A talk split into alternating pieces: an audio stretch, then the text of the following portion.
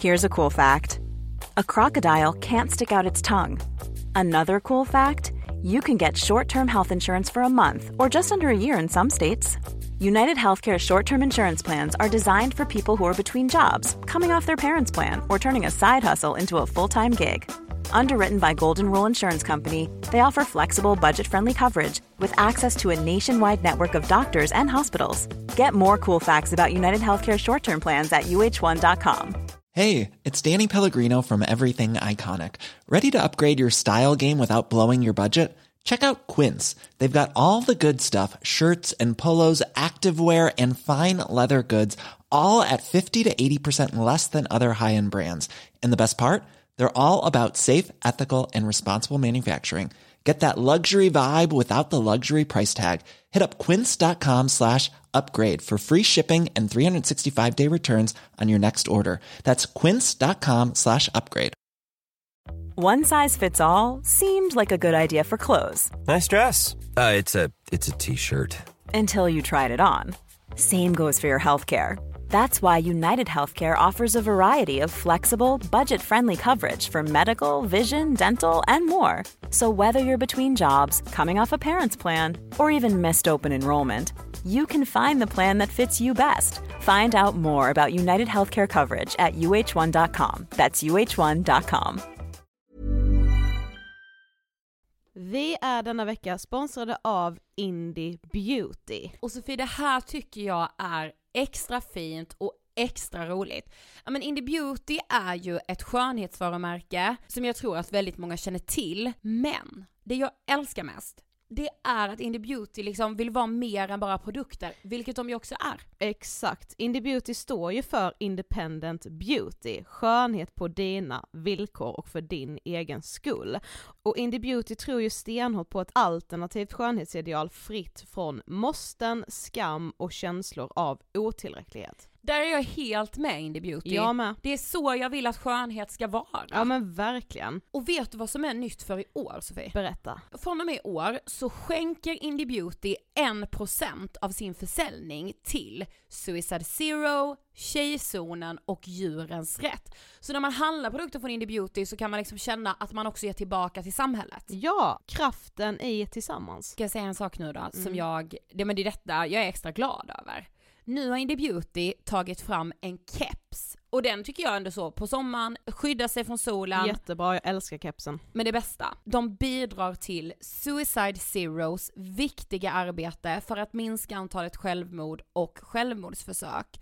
Så för varje såld keps så går hela vinsten, 100 kronor, direkt till Suicide Zero. Då kan man liksom göra nytta både för samhället och sin hud på en och samma gång. Ja, och kepsen kostar 169 men alltså hela vinsten går då som sagt till Suicide Zero. Så om man vill göra skillnad när man är där ute i solen, nu när den börjar titta fram, då ska man välja den här kepsen. Den säljs exklusivt på indiebeauty.se och på Apotea. Tillsammans kan vi skapa en ljusare framtid. Vi ses med kepsarna på! Tack Indie Beauty. Vi är sponsrade av Mindler och som ni säkert vet sedan tidigare så är vi ju ute på psykologresan tillsammans. Men hur vet man egentligen när det är dags att söka hjälp? Ibland uppstår saker i livet som kommer utmana oss och kännas tufft. Det mesta självläker vi oss igenom, för vi är menade att ta oss igenom en viss mängd påfrestningar. Men ibland behöver man professionell hjälp för att ta sig ur jobbiga perioder i livet. Men vart går då gränsen?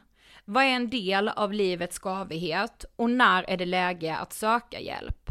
Det sägs till exempel att stress är farligt, men att det också kan vara bra. Alla sover dåligt ibland, så när har man egentligen sömnproblem? Ångesten kommer väl krypande för de flesta någon gång. Så när ska man se ångesten som outhärdlig? Hur vet jag? Med oss som psykolog har vi såklart min gamla psykolog Linnea Seidbrant. Men Linnea, vad är egentligen utmattningssyndrom? Utmattningssyndrom är en konsekvens av svår och långvarig stress utan möjlighet till återhämtning. Vi är ju då skapta för att klara av stress, men vi behöver också återhämtning. Om du utsätts för för mycket stress under en lång period utan att du får till den nödvändiga återhämtningen så kommer kroppen till slut att säga ifrån. Och det är faktiskt så att alla har en gräns. Du kan drabbas av en rad fysiska eller psykiska besvär som trötthet, sömnproblem, hjärtklappning, besvär från magen och tarmarna och mycket annat. Och det här är ju då varningssignaler och tecken på att du kan behöva göra någonting åt din situation. Annars så kan besvären utvecklas till att du mår så dåligt på sikt att du blir psykiskt och fysiskt utmattad. Ladda ner Mindler till din telefon och läs mer på mindler.se.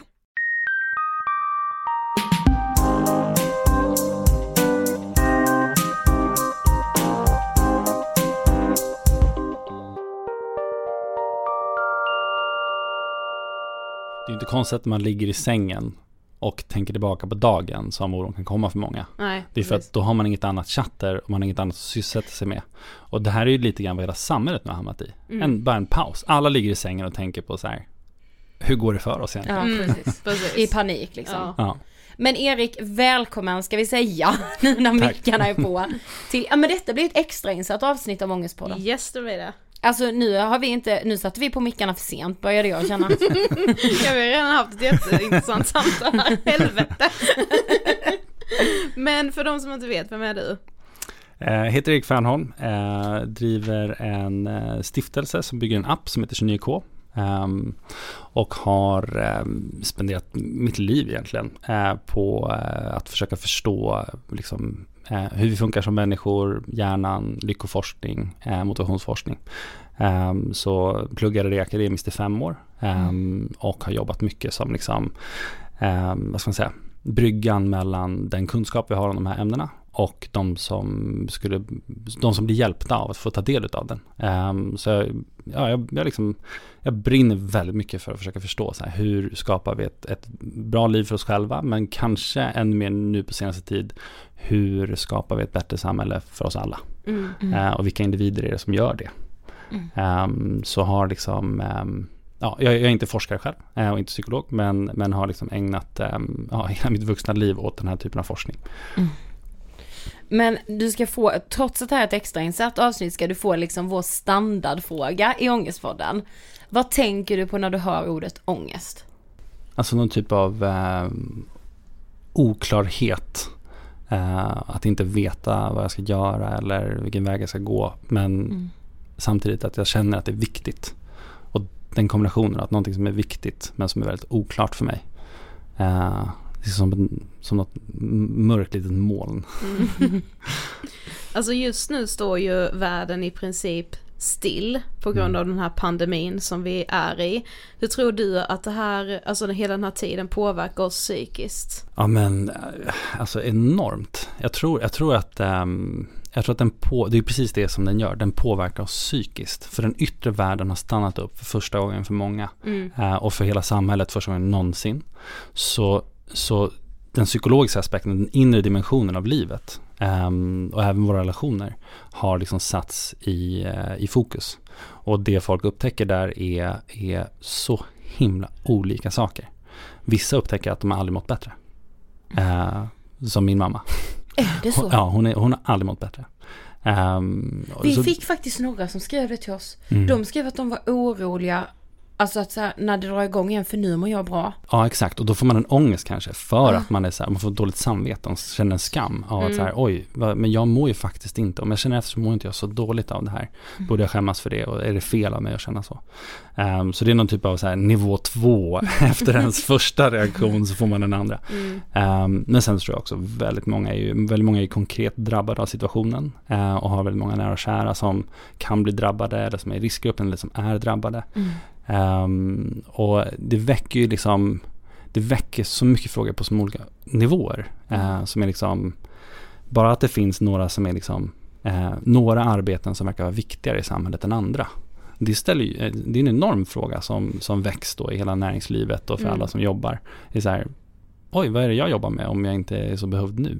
Eller en, eller en känsla av liksom, wow vilken tacksamhet jag känner för alla de som jobbar inom sjukvården eller liksom vad det nu må vara. Ehm, så det sätter ju väldigt mycket på sin spets. Men jag tror att jag har känt på ett sätt att jag bara så här, gud alltså hur kan jag inte ha högaktat sjukvården innan? Alltså jag skäms typ för hur jag har bara tagit det för givet på ett sätt. Att jag bara så här, ja, vet- vi kommer aldrig kunna tacka, ge tillbaka, alltså det är så här, det är för stort typ. Mm. Så har jag känt. Och jag tänker typ med att så här, den vågen av mycket ångest som har liksom bubblat upp nu, nu i och med detta. Jag tänker också mycket på att det kanske har gått runt många och mått väldigt dåligt men de har kunnat trycka undan det tack vare att de har kunnat gå till jobbet eller så här, man har kunnat dölja sin ångest mycket Mm. enklare innan för att man har kunnat underhålla sig på Mm. andra sätt men nu blir allt så tydligt hur man mår, alltså ingen har möjlighet längre att trycka undan sina Nej. känslor. Och det är därför det Ja, bubblar det upp så så mycket sant. ångest hos många. Och Det det, blir liksom som en inre kris för många människor. Man vet inte hur man ska hantera Ja. det. För man har inte fått några redskap. Nej, exakt. Och det är ju liksom, alltså, det, om, man är, om man har liksom eh, grottat runt i personlig utvecklingsvärlden eller i positiv psykologi eller vad det nu är, då har man liksom stött på ett begrepp som heter flow. Mm. Där det är så här, jag har ett tydligt mål, jag har direkt feedback, eh, fullständig koncentration och en lagom stor utmaning. Och det är ofta vad liksom ens karriär är eller hur ens vardag ser ut. Liksom. Man har packat in lagom mycket grejer, det händer saker hela tiden. Eh, och man är liksom lite slukad och så bara wow, vad händer med den här dagen? Eller vad händer med det här året? Eh, och det som händer då är att man har de här 30, 40, 50 eller numera har man ju de här 20-årskriserna. Mm. Eh, där man är så här, där man stannar upp för första gången och bara så här, oj, okej, jag har levt en kvart av mitt liv eller jag har levt hälften av mitt liv. Och, och då får man en kris. Men det är för att man har slukats in i det här liksom icke-reflekterande sättet att leva sitt liv. Så man liksom har sugits in i en tunnel, som om man använder det som metafor. Och nu helt plötsligt så, så för hela samhället så har vi liksom dragits ut ur tunneln. Ja. Och tittat på så här, vad är det som egentligen är viktigt. Och precis som du sa, liksom, att så här, sjukvårdspersonalen eller de som, ni vet, håller uppe samhället, som inte uppskattar det lönemässigt, är de inte värderade. Ehm, och, och helt plötsligt får vi liksom ett helt annat perspektiv på att så här, ehm, dels är det lite grann som att man liksom metaforiskt möter döden. Ja. Och så här, oj, saker, kunde, saker som jag tog för givna skulle fortsätta för alltid, kunde ta slut. Mm. Eh, Det, är ju, det finns ju liksom en typ av reflektion som är ganska djupgående där. Och börjar man upptäcka saker som till exempel att oj, jag har levt på ett sätt som jag inte har varit stolt över. Som nu när jag tittar på det så känner inte jag så här wow vad jag kan liksom stå här med rak rygg och bara wow jag har verkligen prioriterat min tid och mitt arbetsliv och mitt bolag och hur vi har prioriterat lönerna i samhället. Vi är stolta över det. Ehm, det är vissa som känner så, vissa delar av samhället så, vi, så känner vi så. Men i många andra där man inte har levt i linje med sina värderingar, det man tycker egentligen är viktigt. eh, då upptäcker man det och det är ju smärtsamt. Men då är det ju smärtsamt att stanna upp liksom. För att det är så jävla skönt att sitta i den här bilen och tänka att allting ska gå lite snabbare. Lite mer pengar, lite mer BMW, lite mer popularitet, lite mer följare. Ehm, men sen när man stannar upp och, och, och börjar titta på det här utifrån, och så här, vart var vi egentligen på väg och är jag stolt över det? Liksom. Ehm, så vi har liksom tvingats in i en reflektion eller typ en, en kris. Liksom. Ja, men vi tänkte med, alltså i en sån här kris är det ju väldigt lätt att så här, jaga upp sig, känna sig stressad. Alltså inte minst här i början av coronakrisen när man såg här i Sverige folk började bunkra mat, toalettpapper. Alltså vad händer egentligen i oss? Alltså var, varför blir man så i den här uppstressade situationen? Ja, exakt. Alltså, så fort vi, jag menar, frontalloben är ju liksom till för att projicera bilder in i framtiden och liksom måla upp scenarion. Och det är så vi tänker på häftiga visioner och säger så här, här vill jag ha en stor byggnad, eller jag vill göra det här i sommar, eller jag vill ha en sån här typ av relation. Liksom. Men eh, evolutionärt sett så är vi också trimmade för att liksom måla ut mardrömsscenarion, för att det gjorde att vi överlevde. I farliga situationer så var det den som kunde måla upp värst scenarion som överlevde. Så liksom att, att titta på en tiger och bara så här, nej men jag ska inte döma den, den är säkert snäll. Det passade liksom inte historiskt så bra. Så de som har, man har ju den här negativity biasen, att man lägger mycket större vikt vid risker än vid möjligheter. Ja. Eh, och den aktiveras ju något enormt här. Eh, för vi har risker på lön, vi har risker på du vet, boende kanske, relationer, hälsa, människor man älskar. Och man får dessutom olika typer av information, så man vet inte vem man ska lita på. Liksom, är det här en eh, plandemi och att det är någon annan som har liksom planterat det här viruset? Eller är det, är det liksom nu vi ska hålla ihop och lita på varandra? Eller nu vi ska tänka på oss själva? Så det finns en väldigt stor osäkerhet och det är viktigt för oss att ta, ta beslut. Ja. Ehm, så att det är, liksom, det, är som, det är som krattat för att vi ska eh, ha mycket ångest och oro i en sån situation. Som gjort också för konspirationsteorier. Så blir det ju. Exakt, och, och det är inte, det är inte konstigt liksom när hela internet är, är eh, liksom det finns ett, ett incitament, det vill säga att det finns liksom en fördel för de som bygger dokumentärer att måla ut en sån här typ av story. Mm. Um, det betyder ju inte att alla, liksom, um, alla konspirationsteorier är fel, uh, men, men det finns liksom, men man ska nog verkligen liksom ifrågasätta det. För att det är precis som att när jag bråkar med min fest med Moa uh, och som är mamman till våran son, uh, så det är skönare för mig när vi bråkar och tycker att det är hon som är dum i huvudet. Mm. Emotionellt så är det bara så nice och bara så här, det är ju du som har fel. Så här, hur kan du inte se att det är du som är dum i huvudet i den här situationen? Och det är precis samma del i liksom vårt beteende och i vårt psyke som attraheras till en sån enkel story. Ja. Att så här, allt är ju ditt fel, för det är sjukt mycket jobbigare för mig i den situationen att säga så här, Alltså det här är förmodligen hälften mig, minst. minst hälften mig. Den är sjukt mycket jobbigare för mig att bära och speciellt när jag har mycket känslor i kroppen. Och av samma anledning så vill vi kasta oss över liksom ett enkelt narrativ om vart det här är eller vem har rätt, vem vi ska lyssna på. Istället för att faktiskt bottna också i vår egen åsikt och säga liksom eh, jag kanske inte bara enkelt ska följa någon annan som berättar för mig hur sanningen är. Eh, inte någon, eh, utan jag ska vara liksom kritiskt granskande av all information. Mm. Men är det därför med som liksom Anders Tegnell har ju liksom blivit så idoliserad. Mm. Jag idoliserar ju honom på ett sätt. Jag är såhär, jag bara åh gud Anders jag älskar honom. Jag Alltså, blev avis på han som tatuerade in hans ansikte. Jag tänkte varför var det inte jag som kom på det? Ja, alltså såhär, du och jag har ju såhär, det är ju liksom såhär Mm. heligt för oss när, såhär, är det Anders på presskonferensen idag? Mm. Och man märker ju det väldigt starkt. Alltså, Precis. är det också av den Det anledningen? är precis samma sak. Ja. Liksom. Så att, och, och nu vill jag inte stryka er eh, mot hårs här, liksom, men, men att man går in i ett så här, åh Anders, att man känner de här känslorna för honom, det är ju också helt irrationellt. Att det finns en Facebookgrupp som säger så här, heja Anders. Eh, utan det borde ju vara så att allting som han säger bör vi titta på dess meriter. Stämmer det han säger, stämmer det inte? Och om vi börjar lita på honom för att han är en viss typ av auktoritet, då är det auktoritärt tänkande. Ja. Då slutar vi tänka själva och så börjar vi lyssna och tänka liksom från vad han säger. Det är han som äger verkligheten, det är han som vi... Och det är ju liksom, det är ju ett farligt, det är det som skapar liksom ehm, ganska farliga rörelser. När de här människorna sen som får den makten eh, oifrågasatta kan driva igenom förändringar i världen och samhället. Istället för att ha den här sunda, kritiskt granskande, lite jobbigare konversationen där Anders också måste motivera exakt varför och vad och hur de gör som de gör. Och vi kan ifrågasätta det och välja att inte tro på det eller inte. Men, men det är ju det som känns som ett problem idag att, och alltså jag är ju en del av det också. Jag, dels vet jag inte riktigt hur jag ska vara, ha det här kritiska ögat Mm. och jag orkar inte tänka. Nej, exakt. Och det är det här som är så knepigt liksom, med det moderna livet. Liksom, att vi, förr i världen så hjälptes vi åt i mindre grupper. Där man liksom hade sin lilla tribe och man ägde olika områden, olika ämnesområden som man liksom stöttade varandra med. Precis som ett företag har liksom marknadsavdelning och en liksom, Ja. produktion eller vad det nu är. Ehm, och nu när vi lever i ett väldigt individualistiskt samhälle, då ska du göra det helt själv. Du ska vara liksom din egen marknadsavdelning, din egen produktionsavdelning, din egen säljavdelning. Och du orkar inte, för det tar väldigt mycket energi och tid att bottna i ett beslut. Eh, ordentligt liksom. Eh, och du har väldigt lite stöd i det också. Eh, ska du lyssna på den där gurun eller den där gurun och liksom, det är ju nästan så att desto mer komplext samhället blir, desto mer, desto mer eh, driv finns det för de här enkla storiesarna som hijackar folk och får dem att tänka mer som den här gurun och bara gud vad skönt det var att bara ha någon som sa åt mig hur det var i varje fall. Ja, så jag slipper tänka själv.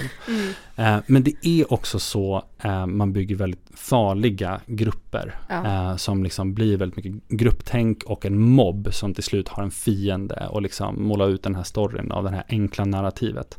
Och det är det här, det, är- det är egentligen det är precis, och det här är inte konstigt, det här är som människan funkar. Det är precis som att liksom, när vi är hungriga så är vi mer rasistiska. Det är bara ett faktum i hur vår hjärna funkar. Det är inte så många som känner till det, men har du lågt blodsocker? Ja. och det, men det här känner vi ju till. Det är precis samma som med mitt exempel med Moa. Att jag tycker att det är hon som har fel när jag är sur. Ja.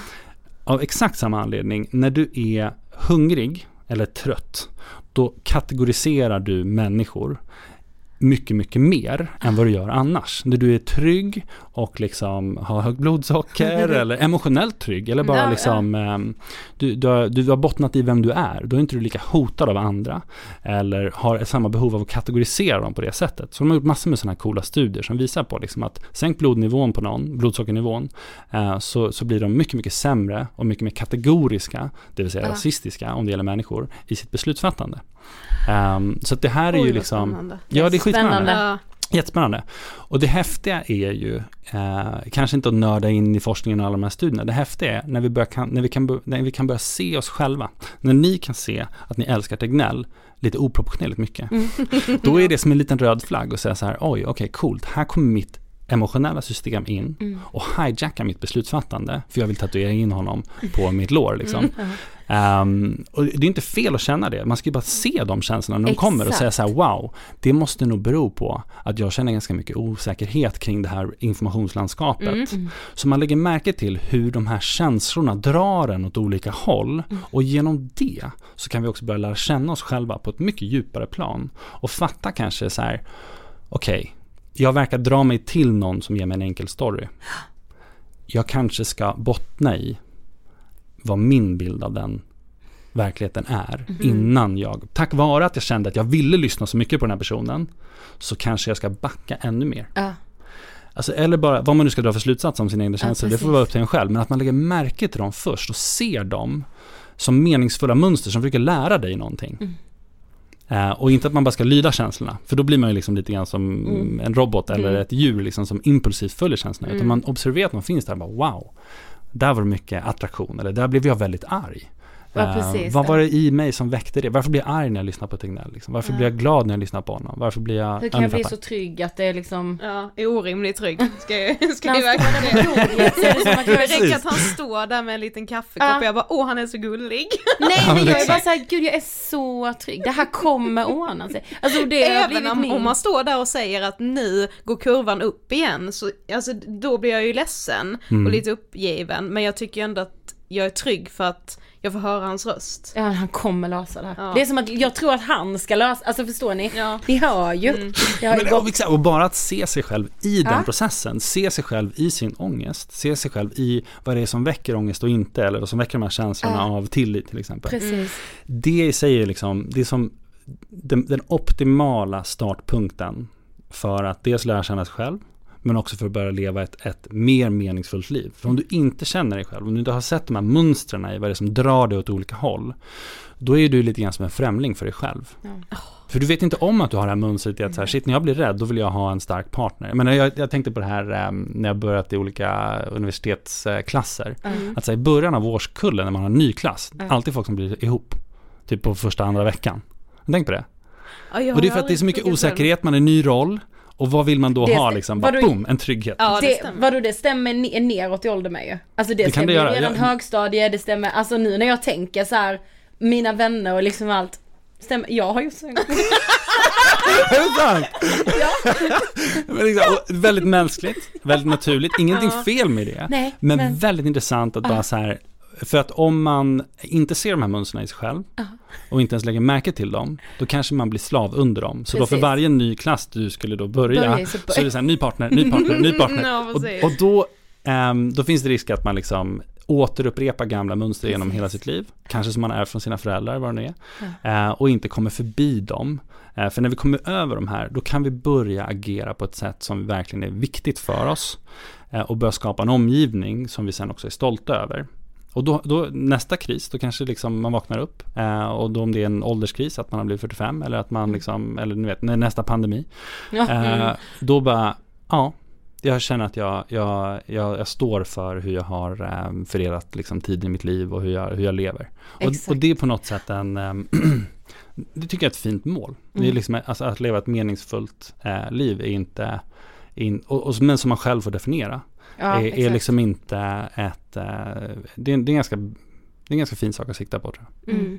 Men det är ju många som verkligen har tappat så här hoppet nu om om framtiden och sådär, man Mm. kanske har blivit av med jobbet, man är jätterolig ekonomiskt var det ju jättemånga som skrev till Jättemånga oss. säger det. Alltså om man då upplever en kris liksom för första gången, alltså finns det typ så här några frågor man kan ställa sig själv för att just nå det här som du säger, liksom lite mer den inre kärnan, hur man liksom lär Ja. känna sig själv på djupet. Ja, exakt. Och, och ehm, jag menar, först och främst, eh, jag vill inte komma med några enkla, snabba tips. Nej, de, de hatar vi. De Ja, gillar inte. exakt. Nej, inte jag heller. Men, men ehm, om man säger så här då, att börja på en plats där du bara lägger märke till vad du känner eh, och försöker se så här, vad är mönstret i det jag känner. Uppenbarligen är det någonting som är viktigt för mig här. Mm. Uppenbarligen är det någonting som, eh, som min kropp signalerar någonting till mig nu. Och Den Mm. försöker säga mig någonting. Det behöver inte betyda att den har rätt. Det kan också betyda att så här, eh, Erik du är trött och hungrig, du borde käka något. Eh, så dra inte alla slutsatser i världen om att de har rätt, men lägg märke till dem. Liksom. Ehm, och sen när det gäller ångest i sådana här situationer, om man ska titta på den forskning som jag känner till och de psykologerna och professorerna som jag jobbar med. Eh, jag tror att den, alltså i breda pensel, penseldrag ska jag säga att det finns nog en, ändå en konsensus kring liksom, att lägg märke till dem. Um, se dem också så, alltså försök att acceptera att de finns där Mm. och inte bara fly dem. För så fort vi börjar fly och inte vill känna att vi har ångest, eh, våra strategier för att göra det brukar ofta bli ganska kortsiktiga. Det är en till öl, eller det är att vinna argumentet, Exakt. att ha rätt, eh, att göra saker som är väldigt oklara till enkla och säkra. Att så här, det här är sanningen, liksom, det, det här viruset är inte farligt, punkt slut. Mm. Eller det här viruset kommer rasa hela samhället. Alltså att man låtsas att man kan se in i framtiden. Ehm, och det gör man för att man vill göra osäkerheten av att inte veta. Ja, Man vill bli av med den. Liksom. Mm. Så då kastar man sig över en story. Så, så att, att inte göra det utan att faktiskt ligga kvar och andas lite grann, eh, om man ska använda det som metod, eh, i känslan. Och så här, sätta ord på den, Mm. inte fel. Så här, det här är nog, jag känner de här sakerna just nu, jag har liksom klump i magen eller jag har det här och här. Ehm, och sen det som också är, är intressant och det som kanske få eh, lägger märke till eller tränar på utanför terapirummet om man nu går till terapeut är att, ehm, att sätta ord på det och dela det med andra människor. Mm. Speciellt om du känner dig trygg i de relationerna och svaret du får inte är tänk inte på det. Eller det är ingen fara. Eller du vet, någon som försöker komma med tips och tricks Exakt. till dig och liksom lösa Tänk ditt problem. inte på det, man bara, Ja, tänk inte så mycket. Eller, okej, Det- Vi gör det- något annat nu. Exakt.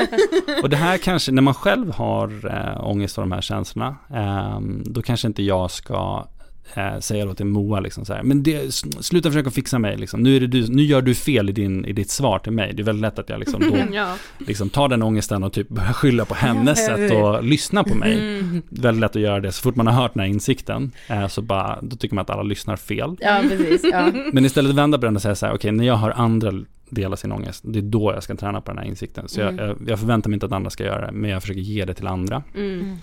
Um, och, och forskning visar också liksom att människor som pratar om och delar sina upplevelser, det de känner, det de upplever, sin oro, um, att det faktiskt hjälper. Ehm, så det finns liksom människor som har varit i krig och lider av PTSD och sådana här saker. Och de som är high disclosures, som i intervjuer delar ganska mycket av sin upplevelse och inte är liksom stängda små musslor. Liksom. Ehm, de, de är lyckligare, de har lägre nivåer av liksom, eh, flashbacks, de, de eh, har bättre immunförsvar, de lever längre. Mm. Ehm, så det finns ganska coola studier om just eh, vikten av att dela. Mm. Vi verkar vara liksom byggda för det.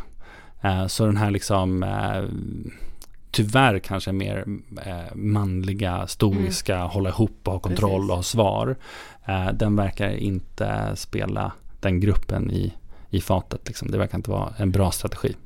Ehm, så liksom att hålla det inom sig är inte, är inte superbra. Att kunna sätta ord på det. Så känna av det, eh, försöka lyssna på mönstret, ehm, sätta ord på det och dela med andra. Eh, är liksom en, en superbra start. Mm. Eh, det stärker också relationen att få, få dela med oss Precis. på insidan av hur andra har det. Och då får man den här som Christine Neff, eh, den här self-compassion-forskaren som är fantastisk, har, har forskat mycket på den här common humanity-grejen. Att så här, vi alla är rätt fucked up. Vi alla Mm. är lite trasigt skadat gods. Men vet du vad? Till skillnad från vad självhjälpsrörelsen och, och självkänslarörelsen har sagt dig. Mm. Du är inte unik. Nej. Du är inte en liten snöflinga. Vet du vad? Du är, precis, du är, du är standardgods. Du är precis standardgods. Men du är, du är standard på sättet att vi alla delar våra rädslor. Vi alla Mm. delar eh, otillräckligheter. Vi Precis. alla delar det vi är mest rädda för, som Carl Rogers sa. Eh, alltså, eller det han sa egentligen var väl liksom mer i stil med att så här, eh, det som är mest hemligt och privat för oss är det vi delar mest med alla andra Ja. människor. Så liksom eh, att faktiskt sätta ord på det gör att vi också känner igen oss i andra och känner att vi inte Precis. är så himla individualistiska, så speciella. Nej, precis. Men det är skönt! Ja. Det är skönt ja. Jag Det är ju så befriande. Ja! Ja, fantastiskt. Jag vill inte vara unik.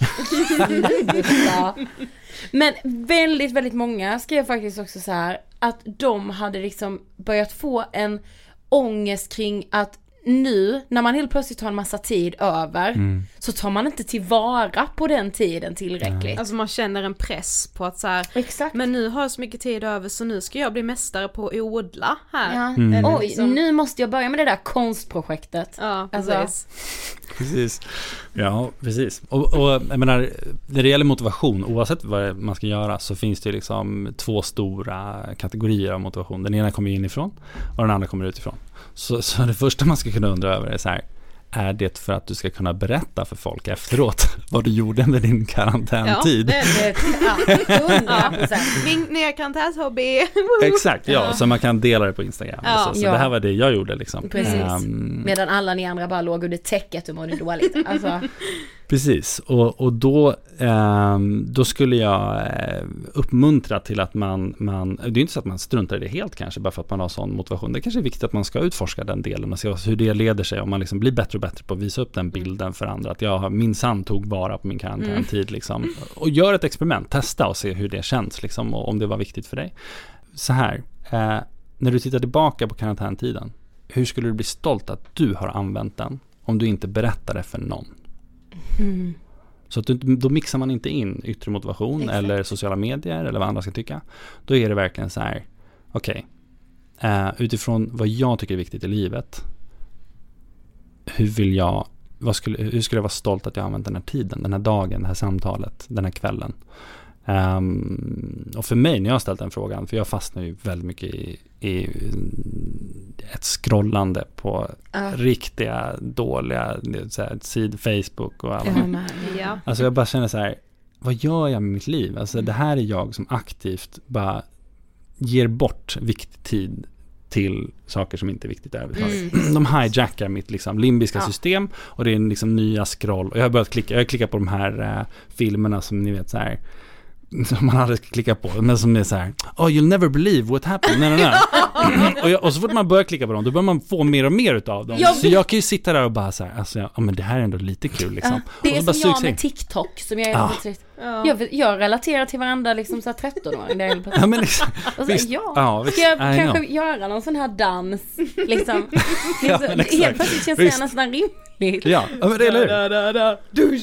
Da, da, da, da. Exakt. When up, up, Men da. alltså vi kan ju dem redan. Och då är jag vi- inte ens inne på TikTok ska jag säga, så jag är såhär don't even go there. Så, Ja men exakt, alltså, ja jag vet. Alltså, eh, och, det, och det är så här, att, att, att ta till sig underhållning och att så här, underhålla sig själv och bara så här, nu ska jag slappa ner mig totalt liksom. F- Kör liksom, om det är det som liksom känns viktigt att göra, go for it liksom. Försök inte bli någon så här pretentiös människa som ska försöka leva dina värderingar hela tiden. Bara, nej. idag är den här värderingen viktig för mig. Alltså det är så här seriöst liksom. Eh, men däremot, ehm, det jag har tänkt på det här för min del, eh, så tänker jag så här, så jag, jag har en, en son hemma som är, eller vi har det, liksom jag och Moa, eh, som är tio månader. Och jag märker ju liksom att här, jag är verkligen mycket sämre pappa eh, när jag har telefonen i handen, eller när jag har den i fickan. Alltså så jag skäms. Så det är så här, det är nästan så att jag ibland är så här, kan inte han bara somna så att jag kan få scrolla? Ja. Och jag skäms, alltså jag skäms som en hund när jag ser det här beteendet i mig själv. Det är verkligen någonting som jag inte är stolt över. Mm. Ehm, men så har jag accepterat lite grann att så jag har inte jättemycket kontroll över den här situationen i mitt eget beteende. Så jag, jag, liksom, jag tappar kontrollen hela tiden. Ehm, så det jag försöker börja göra nu är liksom verkligen att lägga ifrån mig. Ja. Lägga bort telefonen, lägga bort datorn så de ligger i ett annat rum. Så Mm. att de liksom inte ens är i min närhet. Så att det finns en tröskel för mig att komma över till mitt dåliga beteende. Eh, och det här har man också sett liksom, i beteende ehm, liksom, förändringar. Är Mm. så här, om du vill sluta käka godis, köp inte hem det. Eller nej, åtminstone precis. Lägg det så att det inte är synligt. Liksom. Om du vill Ja. träna mer, lägg fram dojorna så att de syns ofta. Eh, så att du, du triggar din hjärna i saker som är positiva. Mm. Eh, och exponerar dig i synfältet, alltså det riktiga synfältet. Liksom. Vad är det som är här framme? Det kommer liksom prima dig konstant. Så att man, man inte bara tänker att här, jag ska styra mig själv eh, för att jag är i kontroll. Ja. Utan acceptera att jag är inte supermycket i kontroll. Så vad jag gör då istället är att jag börjar kontrollera lite mer min omgivning. Mm. Och designa min omgivning så att den uppmuntrar mig eh, att göra det som jag verkligen eh, skulle vara stolt över i större grad. Ehm, Mm. Ja men just det här med telefonen, alltså det har jag tänkt på mycket för vi hade ju Nanna här. Eh, hon forskade vid Handelshögskolan. Och just på liksom sociala medier. Och när hon berättade för oss att så här, alltså man mår på riktigt dåligt när telefon, om man inte vet vad sin telefon är. Och jag bara så här, sen hon sa det, jag har märkt det på mig. Lägger jag den i något rum, jag är helt upp, åh nej gud vad är det någonstans och hjälp och Det är som att Alltså- jag är lite ömma för den liksom. Ja, nej men jag jag, älskar min telefon. för mig själv, vet så här, gud vad, och också att möjligheten finns ju att det har hänt något sånt jäkla bra på den jäveln nu när jag inte har den. mm. Ja. Ja, jag, jag, ehm, jag tänker alltid på en bild som jag såg som jag tyckte var så fantastisk. Som var så här, det är en skogsdunge, en stig med två barn som går. Med så här stora backpacks och de är kanske så här fyra, fem år gamla.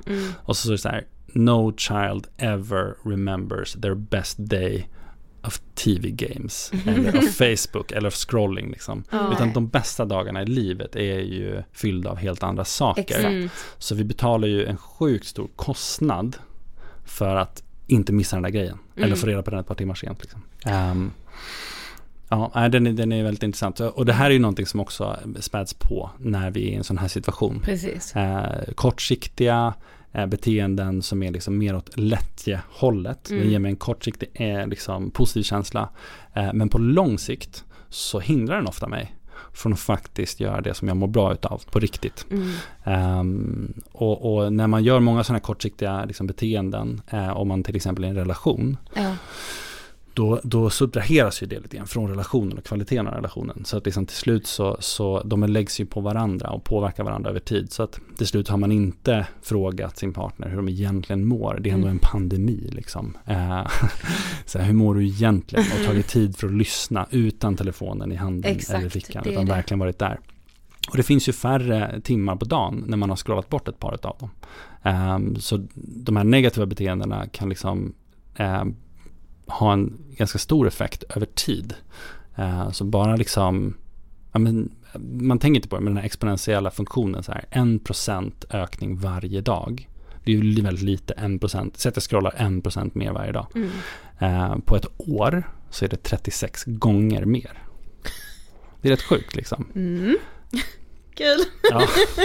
Så man får, man får passa sig. Ja men det är väldigt lätt med att få liksom katastroftankar, alltså det har man väl, jag har mycket katastroftankar tankar alltid, Jag men med. just i en sån här pandemi då liksom, Mm. hur drabbad kommer jag bli, hur länge kommer det här vara, speciellt när man inte riktigt kan få svar på de frågorna, för ingen vet ju hur länge Nej, den här många pandemin... skrev det så här, bara, det finns inget slutdatum, Nej. hur fan förhåller jag mig till det här Precis, liksom? hur, hur ska man liksom, hur bromsar man katastroftankar? Precis. Jag tror, jag tror att, eh, alltså till att börja med så eh, att faktiskt eh, lägga märke till vilka tankar man har. Ja. Alltså att skriv ner dem eller sätt ord på dem. Eh, hjälper ju något enormt. För då går man från att så här, det är en tanke som jag tycker beskriver verkligheten till att jag ser den på papper och, och ser så här, jag har en tanke att världen håller på att Ja. kollapsa. Det är väldigt annorlunda. Alltså man, liksom, man har tagit ut den och gjort den till någonting man kan titta på. Eh, och det i sig att man får lite distans till den. Man kan se att det kan finnas andra tankar. Eh, man kan ifrågasätta den. Um, jag menar det kan ju också vara så att det ligger någonting i den. Men då kan man liksom plocka ut de liksom kärnorna av, av sanning och, och eh, jobba med dem. Ehm, för det är, jag menar, sanningen är ju också den att det, vi lever i en tid av väldigt stor osäkerhet. Ehm, men, men det är också sant att liksom, oavsett pandemin eller inte så framtiden ser ju mer oviss ut än någon annan generation någonsin har stått inför. Eh, så att det är ju också, som det är en pandemi, ett gyllene tillfälle för oss att träna på att hantera osäkerhet. Mm. Så jag menar, vissa människor kommer ju gå ut ur den här pandemin och har tränat och nött väldigt mycket av sådana här tankar och lärt sig väldigt mycket om sina mönster och hur de kan hantera dem. Eh, och, det är ju ett rätt häftigt fokus. Precis. Att man säger så här, okej, jag är verkligen i en utmanande situation nu. Ehm, jag hör de här katastroftankarna.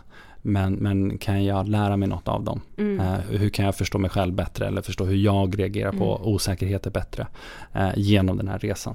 Det, det är inte, ja, jag ja, tänker mig jag tänker mig att ovissheten kanske gör att man, alltså om vi nu ändå ska lära oss att leva i ovisshet lite mer så kanske det gör också att man ändrar sina värderingar och faktiskt blir bättre på att vara lite mer här och nu än att Mm. alltså sluta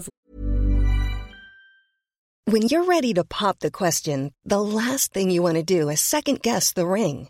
At Bluenile.com, you can design a one of a kind ring with the ease and convenience of shopping online. Choose your diamond and setting. When you find the one, you'll get it delivered right to your door. Go to Bluenile.com and use promo code LISTEN to get $50 off your purchase of $500 or more. That's code LISTEN at Bluenile.com for $50 off your purchase. Bluenile.com code LISTEN. I'm Sandra, and I'm just the professional your small business was looking for. But you didn't hire me because you didn't use LinkedIn jobs. LinkedIn has professionals you can't find anywhere else, including those who aren't actively looking for a new job but might be open to the perfect role, like me. In a given month, over 70% of LinkedIn users don't visit other leading job sites. So if you're not looking on LinkedIn, you'll miss out on great candidates like Sandra. Start hiring professionals like a professional. Post your free job on linkedin.com/people today. Hey, it's Ryan Reynolds, and I'm here with Keith, co star of my upcoming film, If, only in theaters, May 17th. Do you want to tell people the big news? All right, I'll do it. Sign up now and you'll get unlimited for $15 a month and six months of Paramount Plus Essential Plan on us. Mintmobile.com slash switch. Upfront payment of $45 equivalent to $15 per month. Unlimited over 40 gigabytes per month. Face lower speeds. Videos at 480p. Active Mint customers by 531.24 get six months of Paramount Plus Essential Plan. Auto renews after six months. Offer ends May 31st, 2024. Separate Paramount Plus registration required. Terms and conditions apply if rated PG. Fokusera så mycket på framtiden. Jag har ju alltid varit livrädd för framtiden för att den typ är oviss liksom. Mm. Men det har också gjort att jag så här, ja men har tänkt hela tiden att allt ska gå åt helvete liksom. Ja men de här katastroftankarna som man ju lever med Just på det. daglig basis. Ja. Men ja, det är också, jag tror med att vi liksom kommer, det kommer kanske aldrig riktigt gå tillbaka till det normala för nu har vi alla upplevt den här pandemin, alla kommer väl gå runt och vara lite oroliga att det ska hända igen Mm. och det kommer kunna hända igen. Nu Mm. fattar vi att samhället är inte odödligt liksom. Nej, exakt. Mm. Och vi kan stoppa det. Mm. Ja. Vi kunde stoppa samhället, det visste vi inte att vi kunde. Nej, Eh, exakt. Och vi hade inte varit med om att det behövdes heller. Nej. Eh, Så, så oavsett hur vi kommer ur den här pandemin eller hur allvarlig den blir och sådär. eh, Liksom virusets konsekvenser eller de sekundära effekterna. eh, Så kommer vi alltid ha en annan berättelse. Mm. Ja, Om samhället och vad är möjligt, vad som kan hända i framtiden. exakt. Eh, Och det behöver inte nödvändigtvis vara negativt. Nej, Det, exakt. det, är liksom, det har ju en enorm styrka att säga så här, Exakt. vet ni vad? Om vi vill så skulle vi kunna eh, göra mycket mer än vad vi tidigare trott. Mm, Det är häftigt. mm. Men jag tänker också på det du sa med att så här skriva ner sina tankar. Alltså jag jobbade så mycket med det när jag gick i behandling för min GAD-diagnos. Eh, ja, för just liksom när man har mycket generell ångest och så här. Jag hade ju så mycket orostankar. Och i min värld var det ju att jag hade ju aldrig ens kunnat konkret skriva ner att men vad är det ens jag oroar mig för? Vad är de här katastroftankarna? Att få ner det på ett papper och se det. Alltså det är en sån lättnad och också det, det blir något helt annat att förhålla sig till. Mm. Så det tror jag alltså, att många kanske upplever det för första gången nu att så här, ja det bara snurrar och jag vet inte. Att så stanna upp och bara, fast vänta, vad är det som snurrar? Vad är det jag Exakt. tänker? Mm. Och det kan jag tror det kan låta ganska banalt, alltså vad då skriva ner det, vad gör det för skillnad? Men att det faktiskt kan göra skillnad av att se det på papper. Ja, men det, och, exakt, och det gör väldigt mycket med den. För att jag menar, eh, när man loggar människors tankar över tid eh, så ser man att de tänker väldigt mycket samma saker om och om igen. Mm. Alltså det, man går gärna i en loop. Mm. Ehm, och att då få ut det och eh, sätta det på pränt blir en helt annan process. Exakt. Så, så det betyder någonting annat för en genom att man gör det på det sättet. Knepet med många av de här KBT-övningarna eller liksom, eh, alla de här interventionsstudierna som finns som visar på så här, om människor gör den här övningen, den här skrivövningen om vi håller oss till det exemplet, så vet vi att det kommer hjälpa dem. Alltså typ, det kan ju till och med vara så här, om de lägger ner fyra timmar totalt sett under ett par veckors tid, eh, så liksom en kvart där, tio minuter där, så vet vi om att de här människorna sex månader senare kommer ha mindre ångest, kommer må bättre, kommer vara mindre deprimerade. Mm. Det här är vad forskningen vet. Alltså Mm. det här vet vi. Vi vet exakt vad folk ska göra för att ha sådana typer av effekter som varar över tid. Det är Exakt. hur häftigt som helst. Knepet är, folk gör det inte. Nej. Det Trots är att de vet det. om det så gör de det inte. Så Mm. det här är ju liksom den, den, en av de stora frågorna. Eh, Gud, som, som jag också lagt mycket tid på. Det är därför man pratar så mycket om att man måste vara motiverad för att väl Ja. gå i terapi. Men hur får man då folk att vilja göra det? För det handlar väl ändå någonstans om en vilja? Alltså, Eller, nu börjar jag prata utan mick jag blir så exalterad. Fast vet ni, jag har aldrig hört det som du säger nu. Om man lägger kanske fyra timmar den info. Nu har jag varit väldigt motiverad för att jag har alltid, alltså när jag har mått som sämst, Mm. verkligen av min gadd, då har det inte funnits någonting annat för mig än att allt är bättre än att leva i det här oroshelvetet liksom. Mm. Att vara orolig för allt. Mm. Så jag har liksom, jag har ju definitivt lagt de här timmarna, du och jag varje gång, tänk att KBT fungerar. Ja, vi bara, det funkade denna gången Tänk med, att jag mår bättre nu. Exakt. ja. Precis, för det är ju också en del av ehm, när man tror på sina tankar. Mm. är ju att man tror på sina tankar. Och då är det så här, varför skulle jag skriva ner de här? De är ju sanna. Mm. Det finns ingenting som kan ändra på dem. Det här är ju sanningen. Ja, precis. Och det, det, det, är ju, det är ju en del av problematiken. Mm. Ja. Så, så eh, och, och jag, kan, jag kan också konkretisera, så en av studierna som eh, Self-Compassion-gänget har gjort är precis den här. Så jag tror att de la liksom, jag minns inte exakt om det var så här 318 eller 14 minuter total tränad tid Mm. på de här övningarna och sen Ja. fick de eh, jätte, jätte imponerande effekter, påverkar ångest, depression, sådana saker. Mm. Åt rätt håll givetvis. Ehm, så att eh, det är ju, vi fastnar ju i att vi också tror att våra tankar är sanna. Mm. Och så bryter vi inte det mönstret. Så frågan är hur får man människor, hur får man sig själv också att komma över den tröskeln så att jag nöter lite grann. För, Precis. för egentligen så, så som, så som eh, vi är ju, vi är ju liksom med våra eh, professorer och forskare från runt om i världen, bland annat Christine Neff också, Ja. grävt i de här frågorna väldigt länge och sagt okej, om vi vet om att de här övningarna finns och vi vet hjälper människor, ehm, och en del av dem är ju det som man får träna på i terapi, Mm. men mycket av det är inte för kliniska nödvändigtvis liksom Nej. behandlingar, utan vi pratar liksom för den vanliga populationen. som Precis. De är lagom trasiga, med lagom mycket, eller med, de är lika screwed up som oss. Liksom. Ehm, eh, men på sina unika sätt liksom. Ehm, och att vi då vet från psykologin att så här, majoriteten, alltså 90-95% av de åkommorna som folk lider utav eh, har vi eh, liksom övningar, interventioner, program de kan gå som har effekter som varar. Det är sjukt häftigt. Alltså, det är så så. goda nyheter att liksom, Ja. psykologin har gjort så mycket framsteg de senaste 20-25 åren. Precis. Ehm, men då kommer nästa fråga om så här, hur sätter vi det här i händerna på folk på ett meningsfullt sätt som de faktiskt gör det. Mm, Ja. Ehm, och då är det egentligen tre grejer som behöver eh, komma på plats. Ehm, som jag har förstått det, men som också liksom alla de här då 50 forskarna som vi jobbar med och psykologer eh, har landat i. Ett är jobba med evidensbaserade grejer. Mm, tack. eh, och matcha rätt grej med rätt person. Ja. Mm. Så, så det. liksom, DBT kanske inte passar dig, men det kanske är någonting annat. Liksom. Eller det kanske inte är liksom just den där self-compassion grejen. Du kanske ska hålla på med relationer. Liksom. Mm. Du måste ju matcha mot, mot behovet. Ehm, och sen två, du måste nöta över tid. Mm. Som vi sa, liksom, tre snabba tips ain't gonna do it. För de förra tre snabba tipsen du fick hjälpte inte heller. Ehm, så mer av det kommer inte göra det. Liksom. En till själv- självhjälpsbok kommer inte göra det. Nej. Eh, för förra hjälpte inte.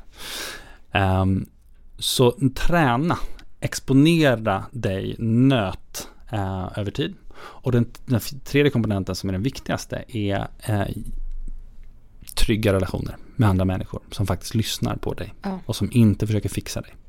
Det här är det som man, man analyserat, um, de har gjort några me- metastudier på ehm, terapi. Eh, och då ser man så här, vad är det som egentligen driver effekten? Varför funkar terapi egentligen? Liksom? Är det att de är skolade i KBT eller är det att de är skolade i psykoanalys? Eller vad är det som är precis. grejen? Liksom? Och det man ser är Um, grovt sett, nu generaliserar jag liksom, men så har de flesta eh, liksom, erkända terapiformerna ungefär lika stora effekter. Det är rätt coolt, Just det. eh, Mm. men häftigt. Ehm, och sen en stor del av det är att folk bara blir bättre för att liksom livet blir bättre. Alltså Ja. slumpen typ. Eh, Det är ändå typ en fjärdedel av, och det, var, det ska man förvänta sig. Liksom, livet går ju upp och ner, Ja, så så man ska förvänta sig det. Men den största biten är, känner du dig trygg i den här relationen? Mm. Och det är inte nödvändigtvis, det coola med det är, det behöver ju inte nödvändigtvis vara ett proffs som gör. Det behöver inte vara en terapeut som gör.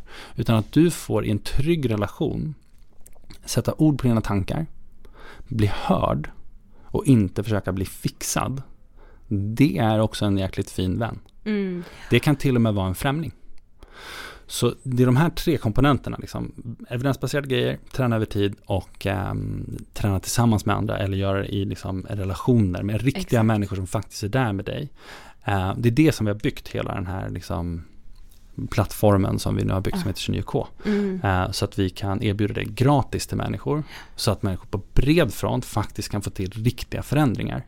Eh, och det går ut på att man i mindre grupper ehm, nöter, tränar, bra verktyg, de bästa verktygen som finns. Ehm, och gör det på ett sätt där man verkligen inte eh, får så här, du, eh, gör bara så här, det här är mitt tips till dig. Utan det är liksom mer eller mindre förbjudet på plattformen. Så här, du får inte komma med, med tips till någon, du får inte komma med dina åsikter och du får inte försöka fixa någon.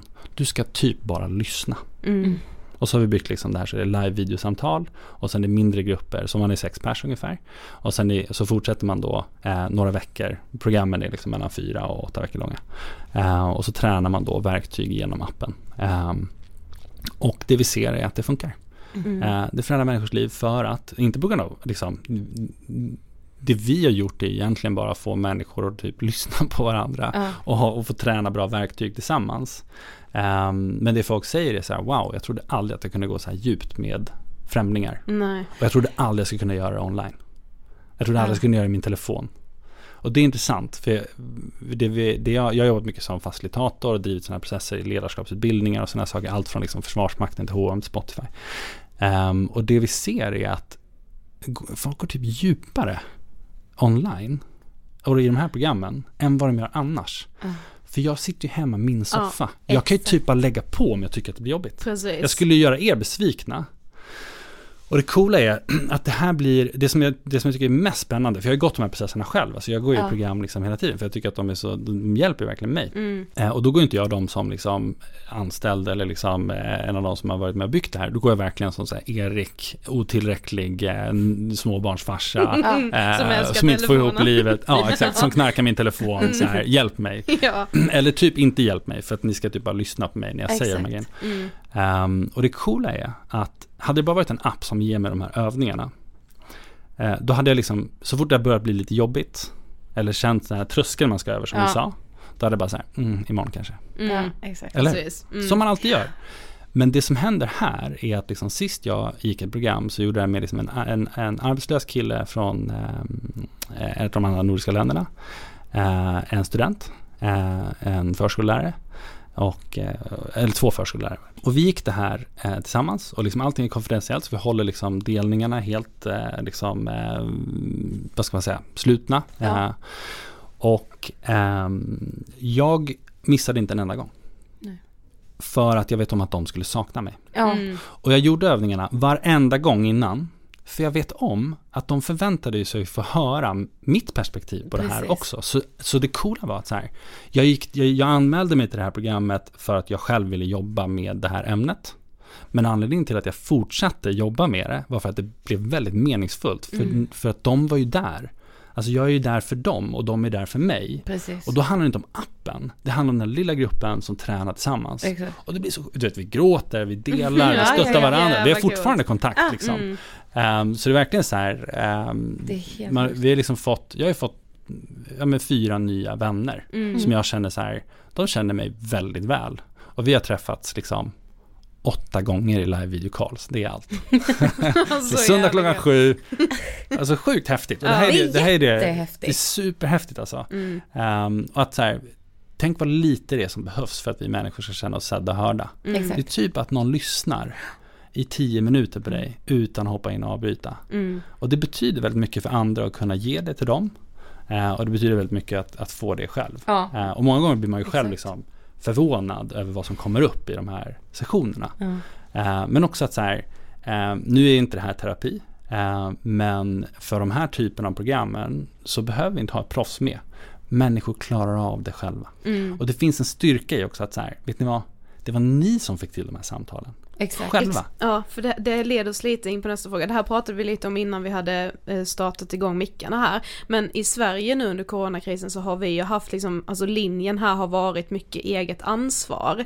Och att många har blivit, alltså många har fått väldigt mycket ångest och oro av just det för att ingen har pekat med hela handen. Och då blir det så här man tänker, oj får jag göra A, kan jag göra B liksom? Alltså vad tänker du kring hela den här peka med hela handen generationen skulle jag säga att vi är. Det, det, ja. Ja fast också. Styr oss typ. Ja, fast äldre också. Alltså, men Ja, exakt. Ja, alla, gör ja. det. Ja, Men- hela samhället. Alltså, Exakt. Tiden då? Ja. Peka med hela handen tiden, samtidigt. Samtiden. Ja. Ja, exakt. Kultur, jag skulle säga Sver- Sveriges värderingar. Sverige är ju värderingsmässigt helt unika på den här planeten. Vi är de som fokuserar absolut mest på individuell frihet. Mm. Eh, vi är de som fokuserar absolut minst på religion. Ehm, och vi ger liksom, eh, alla ska få designa sitt liv helt själva efter egen, tu- eller egen um, tuta, liksom, vad heter det, pipa, tuta, Ja, ja, med Ja. egen... egen flöjt. Ja. Någonting. Någonting. Ehm, och, och det häftiga med liksom, eh, det finns en forskare som heter Moxnes som skrev en bok som, som handlade om att det finns två olika typer av ångest. Den ena är, är frihetsångest eh, och den andra är strukturångest. Mm. Eh, så man får ångest av för mycket frihet och då, vill man, då kan man inte välja liksom. Um, och Erik From skrev en bok om det också som är fantastisk, Flykten från friheten, otroligt bra alltså. Uh, som handlar om att så här, vi är livrädda för frihet. Vi är livrädda för att ta beslut själva. Vi vill mer än någonting ha en grupp som hjälper oss att ta beslut eller någon vi kan se upp till eller någonting sånt. Mm, och bara en ram att följa liksom. Fan Exakt. vad skönt om jag bara kan hålla mig inne på Ja, den det här finns, ramen. exakt. Bara, Det här är spelboken, spela Ja, och då kommer jag må jättebra. Exakt, Ja. precis. Och knepet är ju när det receptet vi får är gammalt. Mm. Så så här, plugga hårt, bli läkare. Och så, där, så mäter man psykisk ohälsa bland läkare. Och så bara oj, det var inte så snällt av deras föräldrar att säga att det är de ska bli läkare. Liksom. Nej. Eh, nu är inte alla läkare liksom, har inte en psykisk ohälsa, men Nej. statistiskt mycket mer. Eh, och det var nog inte det föräldrarna tänkte på Nej, när de sa det. De tänkte förmodligen så här, ja men för vår generation så var det fantastiskt att vara läkare eller Mm. advokat, så gör det. Eh, det var ett recept, men det var ett gammalt recept. Eh, och sen har man den andra ångesten som är ju liksom de som får fullständig krupp på att det finns trafikregler. Eller du vet, att någon försöker boxa in dem på något sätt. Eh, liksom, Tegnell ska minsann inte säga åt mig med sina riktlinjer. Liksom. Alltså, så här, jag håller mig till lagen men jag gör ingenting annat. Ehm, så vissa får ångest av att bli inträngda, andra får ångest av att, inte, eller av att ehm, släppas för fritt. Mm. Ehm, och det här är liksom hur mycket kaos jag kan hantera utåt eh, eller inåt. Ehm, det är ju, dels är det någonting vansinnigt bra att träna på och lägga märke till. När börjar jag få ångest? När, hur mycket frihet kan jag hantera? Hur mycket struktur kan jag hantera? Eh, så man lägger märke till de mönstren.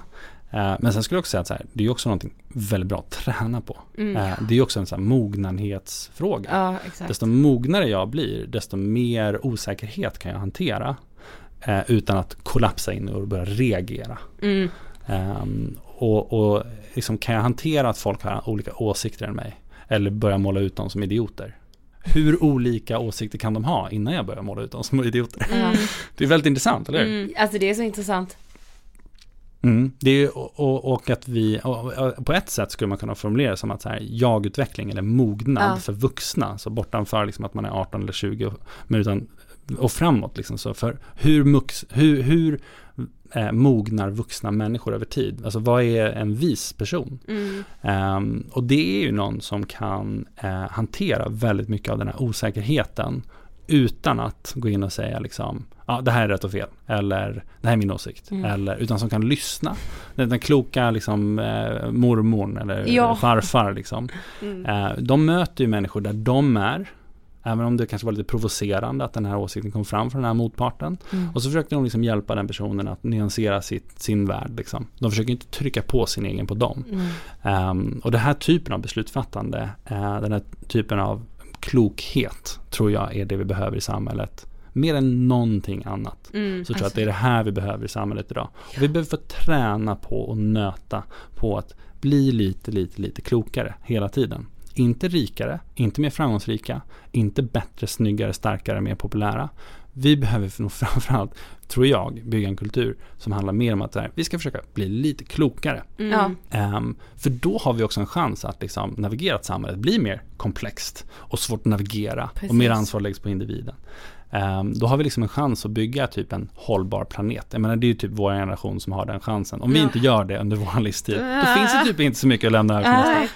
Och, och, och jag tror att liksom då känner man ju direkt så här, oj vad tungt det blev liksom. Mm. Eh, men det här är ju det, det här är ju den processen. Mm. Okej, vad känner jag när jag hörde den meningen så här, åh, vår generation måste lösa den här liksom Ja. hållbarhetsgrejen. Fuck. Fuck, Verkligen. jag behöver en, jag, i helvete. jag behöver en öl, jag behöver, kan vi bara kolla på en serie? Ja. Eller? Mm. Men desto mer kan vi öka den där procenten, en procent mer varje dag. Ja, exakt. Slutet på nästa år, 36 gånger bättre på att hålla den ångesten. Och bara så här, Mm. men berätta mer om den, eh, vad menar du med kollapsen? Och Mm. vet, man börjar gräva i problematiken. Men vad kan jag göra som individ? Hur kan jag inspirera andra? Och till slut så börjar vi liksom gå från ångest och den energin och omvandla den till förhoppningsvis lite mer konstruktiva handlingar för oss Mm. själva, för andra. Och det här är ju livet. Jag menar, det, alltså, att vara på den kanten hela tiden av våran begränsade förmåga och möta större och större utmaningar. Det är ju, det är ju typ livet. Alltså Ja. det är ju så det ser Ja, ut för ja, alla ja. liksom. Mm.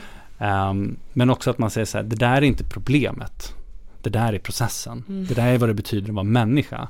Du kommer alltid ha någonting du kämpar med. Du kommer alltid ha liksom lite någon, liksom någonting som skaver. Ehm, och någonting du ska lära dig. Det är för att du har en potential och du ska mogna framåt. Ja. Ja. Nej, men Eh, alltså, hade, jag menar, fatta motsatsen. Bara så här, nej men jag har ingen ångest alls. Jag är, alltid, jag är glad hela tiden. Jag är nöjd med allt hela tiden. Då är det så här, oj.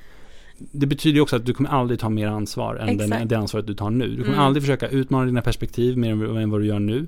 Du kommer aldrig liksom få uppleva smärta Nej. och sorg eh, och förlust för att du brydde dig så mycket om någonting. Alltså de känslorna är ju meningsfull Mm. ångest. exakt. Det är ju ångest som man aldrig skulle vilja vara utan. Nej. Eh, och den ska man vara tacksam för, för den pekar oss åt riktning som säger så här, här måste du utvecklas Erik, du måste bli en bättre ledare. Så här, du går för mycket in i expertroll liksom, och du tar över och du har liksom de här eh, skuggsidorna. Men det är precis där som min kropp då skickar mig lite ångest. Ja, och det gör ju den för att den säger så här, du Erik, kolla här. här har du något att titta på. Ja. Fy fan vad sant. Alltså det är så sant och Ja. intressant. Men vänta, alltså den här måste vi ta också. Det var en som skrev så här att hen var rädd att om coronakrisen blir värre så kommer folk bli kalla mot varandra och enbart tänka på sig själva. Ja, exakt. Och den delar jag också. Mm. Ehm, och det är ju för att vi har ju de här sidorna i oss, allihopa. Eh, när jag blir rädd, hur beter jag mig? Eh, när jag blir stressad, hur beter jag mig? Det finns det här klassiska experimentet på eh, Good Samaritan-experimentet där man tar liksom präster, Mm. eh, ber dem skriva en uppsats om hur det, ska, hur det är att vara en god samarit, alltså en god person. Eh, och halvvägs genom deras uppsats så kommer liksom eh, kursledaren in och säger så här, "Är inte ni klara ännu? Ni ska vara i andra byggnaden, skynda bort. De bara oj oj oj, skynda sig bort liksom. På vägen över in i andra byggnaden så ligger en människa utslagen på den gången som de går på. Och är det så att man har stressat de här människorna och sagt ni är sena, då kliver de över personen för att avsluta sin uppsats om hur man är en god medborgare och medmänniska i nästa byggnad. Men om man inte stressar dem, då stannar de Ja. och säger så här, oj, hur är läget? Hur mår du liksom? Vad är det som har hänt? Ehm, och det här är, det är lätt att tänka så här, oj, vilka sjuka eh, människor. och sen så tittar man på sig själv och bara så här, oj, det där är typ jag. Ja, ja, alltså, Hela tiden. Jag kan inte säga Så vi har ju det här i oss hela tiden. Vi har ju det här kalla, hårda, Exakt. eh, avhumaniserande. Det var deras fel, det är ert fel, eh, liksom bort med er. Eh, någon annan liksom. Och det kan ju vara liksom att så här, ni vet, eh, partier som inte gillar en viss typ av folkgrupp, de gör ju det mot dem. Och så ser man alla andra partier gör samma sak fast mot det partiet. Och sen så bara, men vi är bättre. så här, vi kickar ut er fast på ett bättre sätt än vad ni kickar ut andra. Och då bara, åh, är inte det exakt samma mekanism i hjärnan typ? Av att, så att vi har ju det här i oss, det här kalla hårda. Och sen har vi också motsatsen. Och tittar man historiskt sett så ser man ju verkligen de här individerna. Att här, det är när det krisar som vi har möjlighet och bara då vi har möjlighet att visa hur empatisk och vacker mänskligheten kan vara. Mm. Det, det är då ledarna kliver fram. Och då menar jag inte ledarna som i officiella ledare. Då menar jag människor som, som eh, bör få eh, visa riktning för Mm. oss andra framåt. Det är då de kliver fram.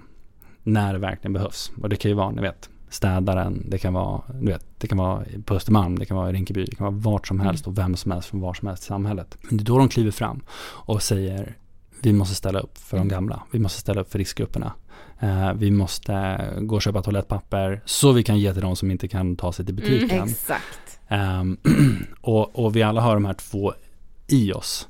Ehm, och vilken vi väljer, eh, det är mer eller mindre det vi kan kontrollera i den här situationen. Uh, vårat beteende och vilken av de här två drivkrafterna som tar över oss. Så att jag, jag delar verkligen den eh, oron. Eh, men jag blir också lite taggad av den. Och säger liksom att här, om det är någonting jag ska försöka göra så är det liksom eh, låta den där ena rösten få lite mer plats. Eh, låta den där riskmedvetna rösten också faktiskt bli hörd. Så jag liksom tar hänsyn och tar hand om det jag behöver ta ansvar för själv. För mitt eget mående, för min egen hälsa, för min egen ekonomi. Eller min familjs ekonomi. Um, så det är inte ett antingen eller, liksom, det är Nej, inte martyren versus liksom narcissisten. Utan det är liksom den ansvarstagande familjemedlemmen. Men som också ser att så här, jag klarar mig inte alls utan samhället. Utan vi behöver liksom ha, eh, ni vet, Raoul Wallenberg-profilerna. Vi behöver ha de som verkligen ställer sig, ställer sig och, och riskerar något för andras välmående. Ehm, men det kräver ju att de personerna har tagit sin ångest och gjort någonting av den. På ett Exakt. positivt sätt och säger så här, jag skulle ha mer ångest och ångra mig mer efter coronakrisen om jag inte gjorde något. Och det är, ett sånt, det är så Precis. sjukt häftigt perspektiv. Och säga Ja. så här, I slutet på mitt liv, när jag liksom, när jag är 90 år gammal, eller så, ja, antingen ligger jag på min dödsbädd eller så, eller så är det min, min, min födelsedag, beroende på hur mycket ångest jag vill ha. Eh, och så tittar jag tillbaka på mitt liv. Vad är jag mest rädd för liksom? Är det att inte ha bidragit? Är det att jag inte har tagit hand om mig själv? Är det liksom, ehm, alltså vad är det för story som jag mest av allt skulle vilja eh, kunna känna att jag har levt? Mm. Eh, och då kommer ju liksom så här framgång och pengar och sådana här saker. Det kanske kommer in i bilden, men vansinnigt mycket mindre Exakt. än vad vi tror. Då är det så här, eh, hjälpt andra, relationer, hälsa, ehm, att kunna bidra till någonting meningsfullt. Exakt. Det är de grejerna som också i den här krisen tycker jag liksom lyfts fram eh, på ett helt annat sätt. Mm. Det är inte så många som fokuserar så mycket på konsumtion just nu. För Nej. man insåg att så här, oj, det där var ju bara någon typ av jakt som ändå var Ja, precis. Så Inte- jävla meningslöst. Ja, exakt. Ja. Kanske inte så meningsfull som vi trodde, men Mm. den hijackade oss hela tiden. Så jag trodde liksom nästa tröja, eller nästa, vad det nu är, kommer göra det. Mm. Eh, men det var kanske mer en distraktion. Mm. Ehm, Men du har ju, sista frågan här nu, du Ja. har ju forskat väldigt mycket på lycka och vi vet ju att vi inte kan vara lyckliga hela tiden. Men hur ska man ändå liksom hitta sin lycka i en sån här tid? När, som, ändå är så präglad av ångest för många. ja, exakt. Eh, Men jag tror att, jag tror att ehm, alltså dels så finns det ju liksom så här det enkla, konkreta svaret, men så här, ta hand om dig själv. Lägg märke till dina egna mönster, sov, ät, umgås, ehm, liksom rör på dig. Mm. Eh, det är så här super basics. Liksom. Det, är, det är det första man ska checka om man känner att man, man vill ta hand om sitt välmående. Mm. Eh, och också fokusera inte så mycket på dig själv. Den är också, det är en av de som man lätt missar. Ja. så här, jag, mig, vad vill jag, vad vill jag? Vi liksom blir skolade i så här narcissism. Mm. Eh, och alla är så här, vad, vill, vad är din dröm? Och det är så här, det är världens mest narcissistiska fråga. Eh, alltså det, allting handlar inte om mig, mig, mig. Liksom. Generation ego, som vi ju... Ja, och hela kulturen. Liksom. Ja, Marknadsekonomin bygger ju typ på det. Ehm, men, men istället liksom så här, vem kan jag bidra till? När jag går och lägger mig har jag hjälpt någon annan. Mm. Och du bara känner efter så här. När jag går och lägger mig, vad hade jag mest av allt velat känna? Att jag vet att jag har hjälpt någon eller att jag fick precis som jag ville. Mm. Den är ganska enkel. Liksom. Ja.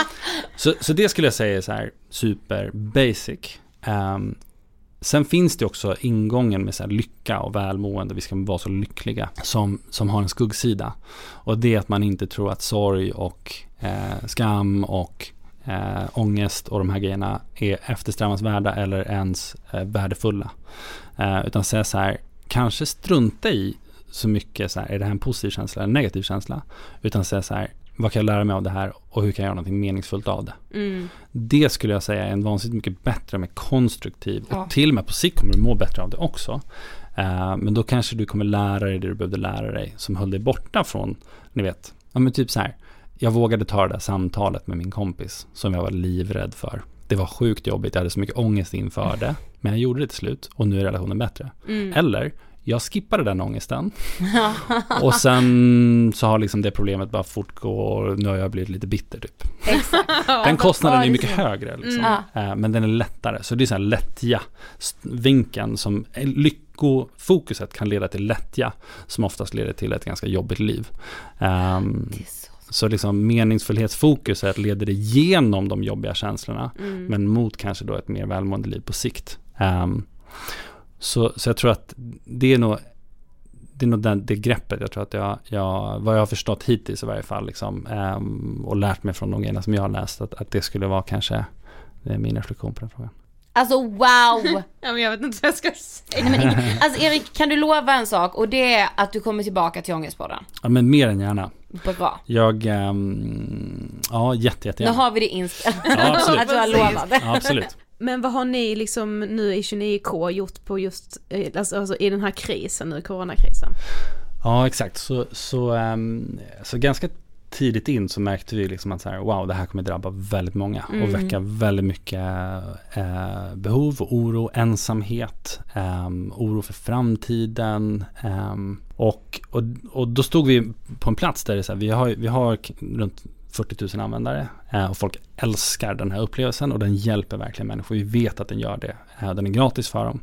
Eh, och sen sitter vi samtidigt där- med några av de bästa forskarna i världen för att hjälpa just med sådana här typer av situationer som Mm. människor hamnar i nu. Mm. Och det är liksom, jag har oro, jag har ångest, jag vet inte vad jag ska göra framåt. Mina relationer håller på liksom, ja, strular. Ja. Ehm, ehm, och jag vet inte hur jag ska ta beslut, jag vet inte vad som är viktigt för mig liksom, i den här situationen. Så, så vi skickade ut en enkät till, eh, till alla som vi kände och kunde få ihop och från den så hittade vi de här tre eh, stora behoven.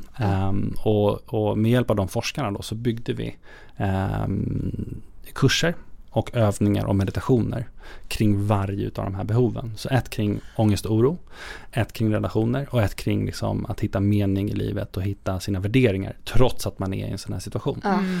Ehm, så det är liksom inte corona specifikt men det är liksom i, i de tre grejerna som väcks och som vi såg väcktes ehm, hos människor. Mm. Ehm, så det har vi nu faktiskt precis lanserat. Ah. Eh, så det finns i appen 29k.org, man laddar ner den. Den är Ah. gratis, ingen så här, det finns ingen reklam, det finns ingen som försöker kränga på dig grejer, det finns inga inköp i appen, ingenting. Och vi kommer inte sälja din data till, ni vet, Satan. eh, som många andra gör, det är så de tjänar pengar. Eh, vi är ju helt finansierade av eh, filantroper och liksom är en stiftelse. Och vill bara stärka människor genom en sån här kris och upplevelse. Mm. Ehm, så de finns tillgängliga nu. Eh, så det finns liksom superbra verktyg som man kan använda eh, bara för att ni vet, man har en känsla just nu, man har svårt att somna. Mm. Eller jag har mycket oro över den här grejen i mitt liv. Ehm, då finns det dels enkla övningar, meditationer, men sen finns det framför allt eh, de här kurserna. Så de är ungefär tre, fyra eh, gånger som man träffas, eh, en gång i veckan, så tre, fyra veckor långa. Mm. Och så sätts man ihop med eh, några andra som vill gå just den kursen, man träffas samma tid, en gång i veckan och i ett, li- och i ett live-videosamtal som, som vi har byggt in i appen. Så får man liksom lära sig lite enkla principer, typ så här, avbryt inte, eh, försök inte fixa de andra, eh, bara lyssna, det är typ det. Och så går man liksom varvet runt och man, man håller det här själva, själva samtalen. Ehm, och jag vet att det låter läskigt och eh, liksom som så här, oj, jag har aldrig gjort det här i en app tidigare. Men, men testa, för att det är, det är verkligen... Jag ehm, måste testa. Ja, så. jag med, Alltså det- jag kommer ladda ner. och det är så häftigt för vi är liksom grupper från ni vet, så här, hela världen som Ja. möts. Eh, så innehållet är på engelska men vill man köra på svenska så kan man bara skriva det när man, har så här sin, Aha, när man startar sin grupp. Så kan man säga jag vill gärna köra på svenska. Mm. Okej, Ehm, ja. Så man har liksom möjlighet att göra en liten beskrivning där när man startar så att den här tiden vill jag köra. Eller så joinar man en grupp. Och, eh, och så får man liksom eh, stärka varandra genom den här processen. Och då får man liksom lite verktyg, en, ett, typ, ett verktyg i veckan som man ska träna och nöta lite grann tillsammans. Mm, Eh, och så möts man en gång i veckan och kör det här, den här sessionen. Ehm, och, och av dem då, vi har ett stort antal människor som har gått de här liksom 1300 på App Store som har ratat det, men alla har liksom ratat det på 5,0 av 5. Eh, Så de är Wow. så här, och de är så här, de hör av sig liksom dagligen, får liksom mail på så här LinkedIn eller Facebook eller liksom så, där de är så här, alltså jag är så tacksam för det här verkligen eh, förändrat mitt liv. Många då amerikaner som är så här, jag har inte råd med någon typ av Mm. professionell hjälp. Men det, Eh, ja, men det vet jag många som lyssnar på oss också. Ja, exakt, Mm. precis. Och nu är inte det här liksom klinisk behandling, eh, men det är eh, effektiva verktyg för att hantera liksom sånt som många kämpar med. Exakt. Eh, så vi har liksom ett program med Rachel Brathen som heter Yoga Girl Ja, online. mm. Hon har tre miljoner följare. Hon, med henne så har vi byggt ett program som är åtta veckor långt om självmedkänsla, self-compassion, som har visat sig ha så vansinnigt stora effekter på eh, hur vi mår, stressnivåer, ångest, depression, sådana här saker.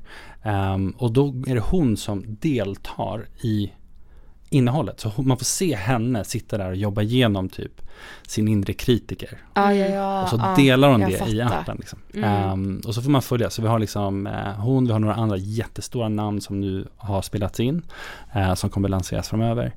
Ehm, ja, så det, det, här, det här finns liksom helt tillgängligt. Så jag vill verkligen bjuda in er och eh, dig som lyssnare till att Jag, eh, jag tänker testa. mig, eftersom det är gratis så har man ju ingenting att förlora. Nej, verkligen inte. Nej. Tack så jättemycket Erik för att du ville gästa det här extrainsatta ångestbarnavsnittet Tack, och vi hörs som vanligt på torsdag. Ja, det gör vi. Hej då! Hej då! Tack. Nej men alltså.